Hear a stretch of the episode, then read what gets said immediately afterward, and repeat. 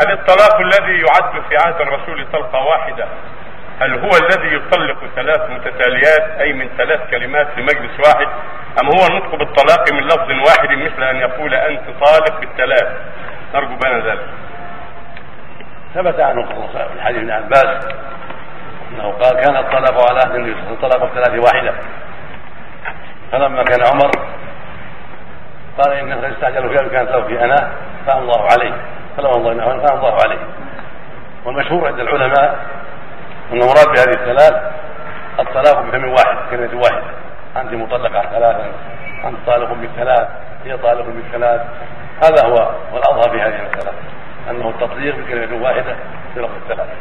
وهذا هو مرض ابن عباس أنه التطليق بالثلاث بفم واحد. أنت طالق بالثلاث أو مطلقة بالثلاث. وذهب بعض أهل العلم إلى ان أن الطلاق بالثلاث ولو تكرر الكلمات ما دام في مجلس واحد وبعضهم قال حتى ولو في مجالس ما دام ما ما بينهما رجعة ولا نكاح فانه لا يقع الا الأولى.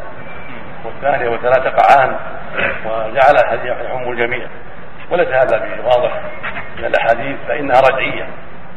المطلقه طلقة واحدة رجعية فاذا طلقها الثانية لحقتها الثانية. فاذا طلقها لحقتها.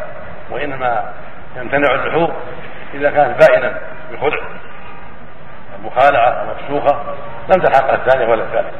أما إذا طلقها طلاقا رجعيا واحدة ثم أتبعها ثالثة وثالثة فإن الأظهر من كلام العلماء أنه يقع عليه الطلاق وتحرم بالثانية الثالثه وهذا هو الذي أفتي به هو الذي ظهر لي من ما جاء في النصوص اثار الصحابة رضي الله عنهم وارضاهم أن الطلاق الذي يحتسب واحدة إذا جمعه بكلمة واحدة أو كتبه بكلمة واحدة هي طالق بالثلاث كتابة أو لفظا كان هذا واحدا في عهد النبي صلى الله عليه وسلم في عهد الصديق في اول خلافه عمر.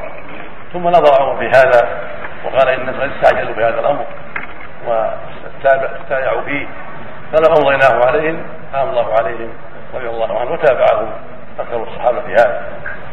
وروي عن علي والزبير وعبد الرحمن بن عوف وابن عباس أنهم جعلوه واحدة على على ما كان في عهد النبي صلى الله عليه وسلم.